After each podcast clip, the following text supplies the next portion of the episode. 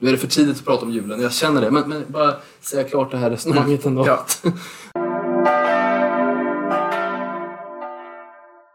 Nu tar jag och smygfuskar lite här. googlar. Faktiskt. Det googlas i studion. Ja. Det är ju Paulus vi pratar om. Det räcker ju att läsa två meningar i Paulus så får man en känsla av att han är ju inte alltid en sån här glättig person. Ni kan föreställa den här Ja. tindrande ögonen som så här, härligt! Ja.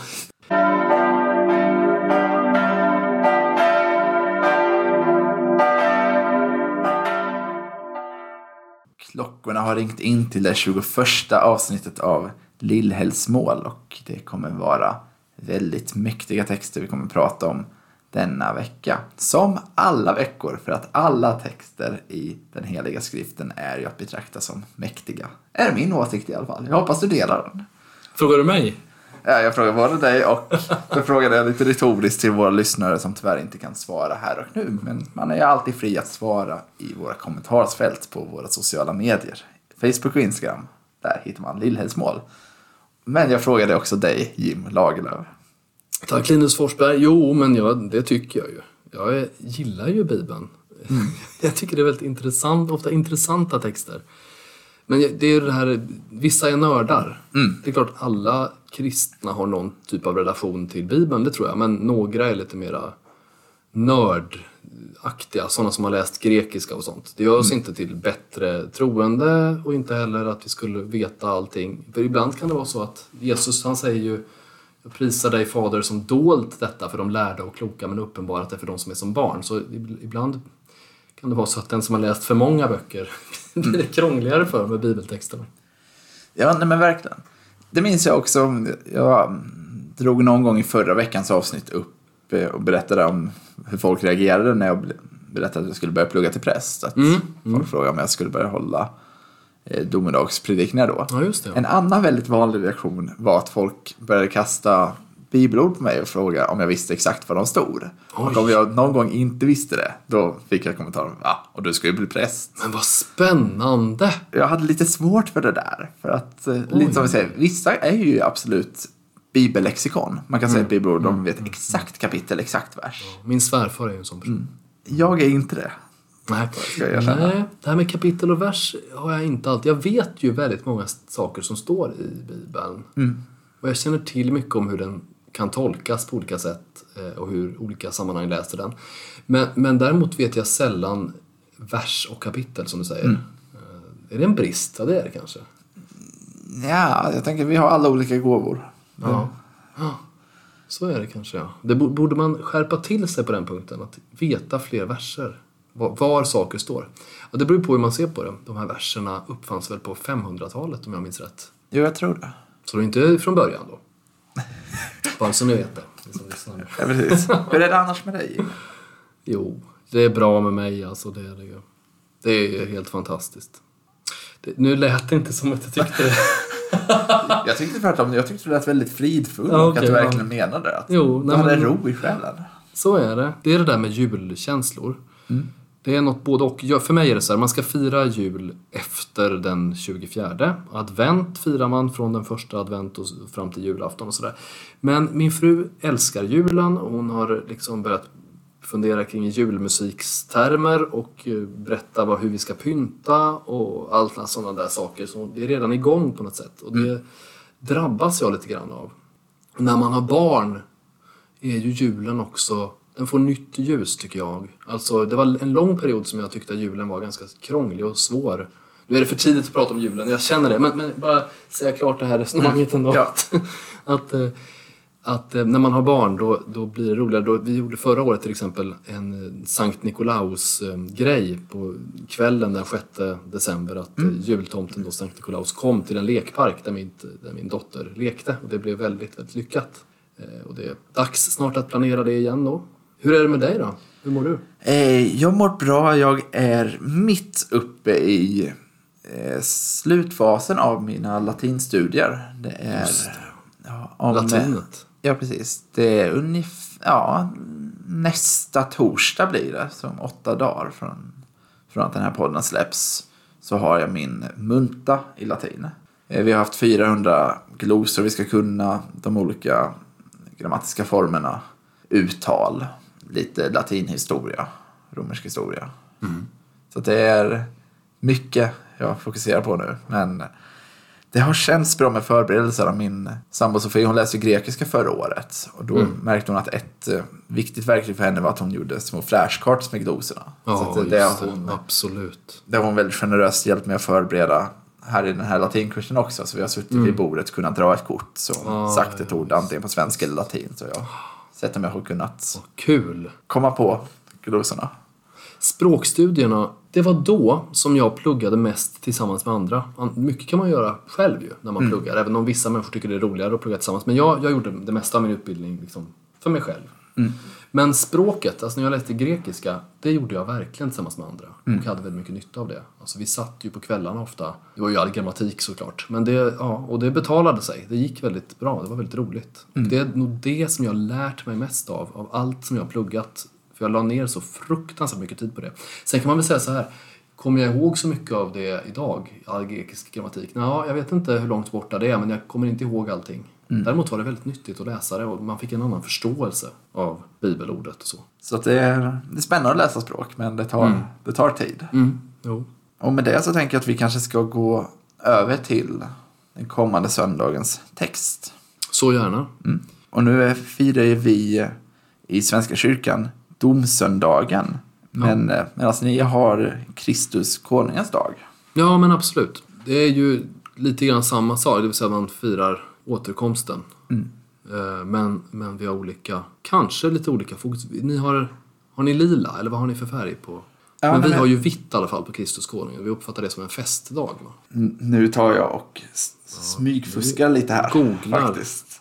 Det googlas i studion. Ja, vi klipper det här. Ja. Det är grönt. Ja. Och vissa kanske vill ha svart färg, andra vill kanske ha lila, vad vet jag. Mm. Det beror lite på vilket typ av... Men, men vi har i alla fall, det, för oss är det en fest Mm. i katolska kyrkan.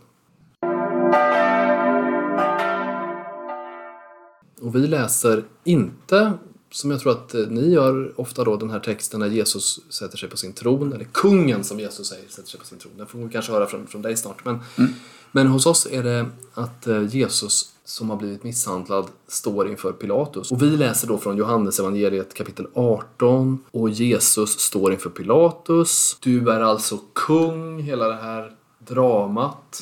Alltså en, en så att säga misshandlad fånge står inför den mäktigaste mannen i området och han säger då Du är alltså kung. Och Jesus säger till honom Mitt rike är inte av denna världen. Och jag tänkte då på, det finns ju så många saker man kan säga om att Jesus är kung. Han är liksom kung i ett osynligt kungarike.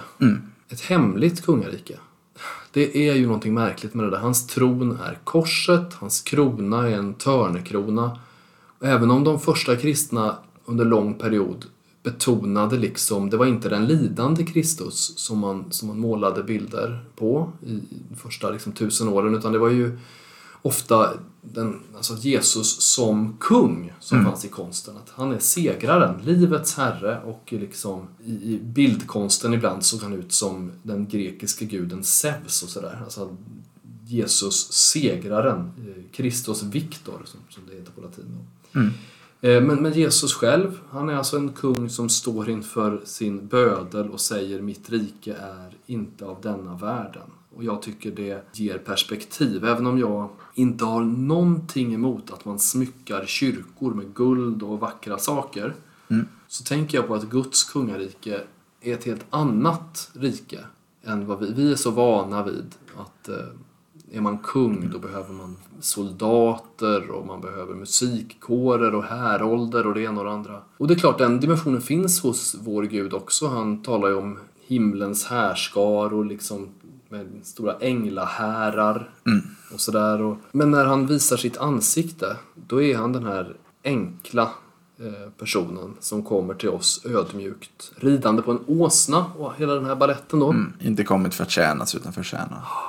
Nej, och det är ju liksom den röda tråden. Och då tänkte jag på det, att eh, hur märks det hos mig att jag är i tjänst hos den kungen? Hur märker man att jag tjänar så att säga, de fattigas eh, konung? De misshandlades konung, de ensammas konung. Jag lever ju ett sånt väldigt privilegierat liv jämfört med väldigt många människor runt om på jorden. Det är till och med så ofta att jag lever i ett samhälle där man, där man det verkar som att vi som har det här privilegierade livet tror att vi har rätt till det. Och det blir så upp och nervänt när den som jag säger herre till är den här korsfäste kungen. Jag önskar att Kristus konungens dag hos oss då, att den ska kasta lite ljus över vem som är min herre egentligen. Vem är min herre? Och hur märker man det? Hur märker man att Jesus, den korsfäste, är min kung? Han säger ju så här, den som vill följa mig ska ta upp sitt kors och så vidare. Alltså han, han lovar inte så ofta guld och gröna skogar. Utan han har något annat i beredskap åt dem som håller ut. Och var, var ser jag liksom, vem är, vem är den här kungens, eh, vad ska man säga, han, var är hans hov? Ja, det kanske finns i rännstenen eller liksom på flyktingförläggningarna eller i flyktinglägren ut, ute i andra delar av världen och så. Mm. Det, det får liksom lite perspektiv på vad det är att vara kung också. Jesus kastar ju om väldigt mycket av våra sätt att tänka kring saker. Vad som är viktigt, vad som är, vad som är heligt, vad som är fint. Jo, Jesus vänder ju på mycket av det. Ja, visst, och han, han kallar oss liksom ut ur bekvämligheten, det tror jag verkligen. Han vill eh, ofta att vi ska liksom vara i hans kungarike.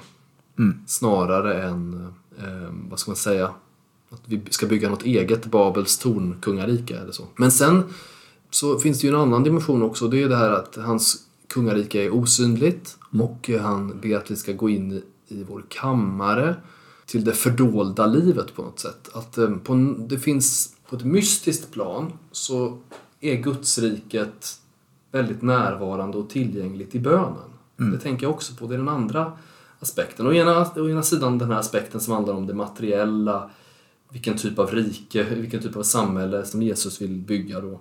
Det andra är ju att hans rike, som är liksom den eviga kärlekens, sanningens, salighetens rike, att det på något sätt är tillgängligt i smyg.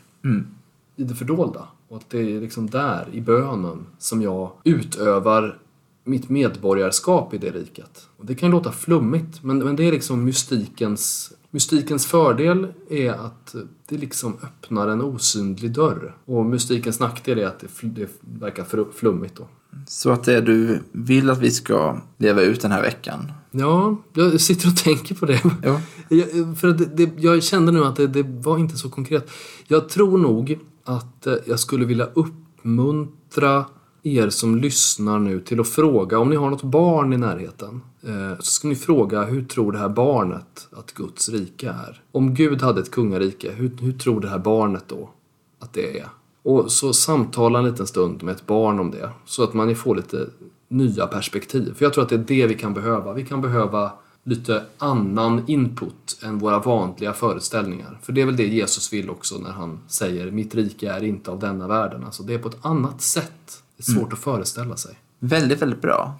Det påminner mig lite om, om min barndom när jag var ung. Det, det var inte allt för länge sedan kanske. Okej. Nej, Jo, Nej, det var man ja. inte kanske. Ja, eller så här, ja. Jag är inte så gammal. Jag är, jag är den yngsta av oss. Ja, det är det ju. Ja, Ungefär tio år yngre än vad jag är. Ja, precis. Nu känner jag att jag trasslar till det för mig själv. Men det jag skulle komma till var att jag hade en period där jag hade jättesvårt för just termen att prata om kung Jesus. Just för att jag tyckte att kung blev lite... Men det kändes liksom lite, lite oseriöst, lite fånigt. Men jag var just då fast ganska mycket i den här bilden av hur vi tänker oss en kung i alla fall. Lite så här, men ska vi sätta en krona ska liksom han sitta liksom där. Och jag tyckte, men för mig är inte det här Jesus. Och det där, även om jag idag har en annan förståelse av texten, liksom, eller av, liksom, av bibeltexterna, av, av vad vi lägger in i det, så märker jag att jag har alltid lite, lite svårt när det kommer psalmer eller lovsånger som använder just termen kung Jesus. För att det var en bild som var lite Ja, svår för mig som barn. just kung Jesus. Jag kan hålla med om att det låter främmande, men det kan ju vara det, är ju det det betyder. Jesus Kristus, det är ju Jesus kungen. Ja. Bra, det är bra att fundera över vad vi menar med orden ibland. Och det här Gudsriket. Vad är det för någonting egentligen? Fråga ett barn. Och med det tänker jag att vi går över till Svenska kyrkan. Där vi har domsöndagen, Kristi återkomst. Vi läser från Matteus evangeliet 25, verserna 31-46. Och det är här vi får ta del av, eller höra om Människosonens dom. Härligt, höll jag på att säga. En mustig text. Ja, men precis. Där han ger en bild där han delar på fåren och getterna. Ställer på högra sidan och vänstra sidan. Och där de ena, de får liksom ta del av Guds välsignelse. För de har kommit med mat till Jesus när han var hungrig. Gett honom att dricka när han var törstig. Gett honom kläder när han var naken. Besökt honom i fängelset. Medan de andra, de, de visas bort. Och det var de som inte kom med mat, inte kom med dricka, inte kläder, inte besökte. Och vi har ju pratat om att eh, Svenska kyrkan pratar om domsöndagen. Katolska kyrkan pratar om Kristus konungens dag. Och jag är lite mjukt inne på att Kristus konungens dag kanske ändå är en bättre benämning av dagen. För att det vittnar om att, alltså det som man pratade mycket om att konungen gjorde förr, det var att den skulle upprätta någon form av ordning, så här, skipa rättvisa. Att det fanns med den betoningen i dömandet. Och att det inte var dom som vi nu blir vi straffade, nu, nu kommer domen över oss, som vi pratade en del om i förra avsnittet också. Och det är kanske det vi behöver fundera lite på. Så här, att om, när Jesus kommer, när han gör den här uppdelningen, att det inte handlar om att syftet är inte primärt att straffa, att döma, utan det är att upprätta en ordning, skipa rättvisa. Ja. Om jag skulle fråga dig Jim, för att Jesus pratar ju i slutet av den här texten om, om det man har gjort för de minsta. Mm. Vad tänker du in i ordet minsta här? Vilka Ja. är de minsta? Nej, men de minsta är ju dels, i alla fall, eller så att säga, vad jag, vad jag själv tänker in, det är ju då de särskilt behövande. Men jag tror att Jesus också menar eh, hans församling. Alltså församlingen är hans minsta. Eh, men, men det är både och där. Alltså, å ena sidan handlar de minsta, när Jesus säger det, det handlar om hans, liksom, hans hord eller hans vad ska man säga, flock. Men, men jag tror att också att man kan läsa det som att det har att göra med de som är mest behövande. Och i den här texten handlar det väl verkligen om det. Nej, men precis. Nej, för jag är också inne på den linjen att det handlar om de som är mest behövande. Och eh, mycket av det vi pratat om många gånger som vi kommer tillbaka till så här. Vilka behöver verkligen kärleken? För att Jesus, eh, när han skapar den här ordningen och rättvisan, när han uttalar sig, när han dömer, när han berömmer, då finns det väldigt tydligt att just när han dömer, då slår ju Jesus i regel inte neråt. Nej, nej. Utan Jesus slår väldigt tydligt uppåt. Och tänker att det är viktigt att komma ihåg när vi pratar om de minsta. Eller å andra sidan, man, på ett sätt Jesus är ju så att säga, den allsmäktige guden. Så det beror på vad neråt och uppåt är. Men, men utifrån den gestalt han tar som Ja. människa då. Jo, precis. du. Ja, nej men precis. Det är inte att han, ja, nej men precis. Och det, han, han säger ju det i, det är väl i Matteus evangeliet bland annat som han säger det att nej men det är inte de friska som behöver en läkare utan det är de sjuka. Just det. Nej men verkligen. Men för mig är det så här, jag, jag tror ju att både tro och gärningar behövs eh, för att komma till himlen. Det gör jag, det, så tror jag, och det var därför jag valde att bli katolik till sist. För jag, jag kände att det är så som det, det finns så många bibeltexter som, som jag uppfattade att där det handlade om det. Eh, men men i den, till exempel den här texten då. Men hur tänker du? För, du? för dig är det väl tron som är det avgörande? Eh, kan inte du förklara då? För här, Jesus talar om handlingar här ju. Berätta, hur ska man förstå det här som, som lutheran? Eller? Jag skulle dels säga att tron blir en typ av gärning på ett sätt. Men sen skulle jag också säga att något som man ofta misstolkar eh, lutheraner kring, nu säger jag inte att, att det är det du gör, Nej. men något man ofta misstolkar som man också ser att till exempel Paulus försöker reda ut i romabrevet, det är ju att det inte är fel med gärningar. Men, Nej, nej, såklart. Ja, utan tvärtom så här, goda gärningar är väldigt, väldigt Verkligen. bra att göra. Och det är en del av, om man ska prata om en kristen etik, så skulle jag säga att det goda gärningar ligger inom det. Hur ska man leva det här, ehm, den här domedagstexten då?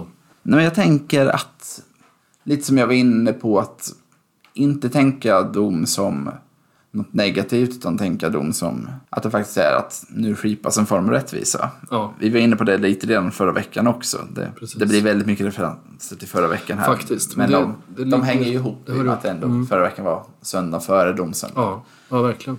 Men jag skulle säga att, men jag ska dra en koppling och en anekdot. Mm. Eller anekdot var kanske fel ord, men. Men jag har en vän som, vi suttit i gudstjänsten med ett sändningsord. Ja. Och där brukar vi i Svenska kyrkan, jag tror att det kanske finns fler, men nu uttalar man Svenska kyrkan.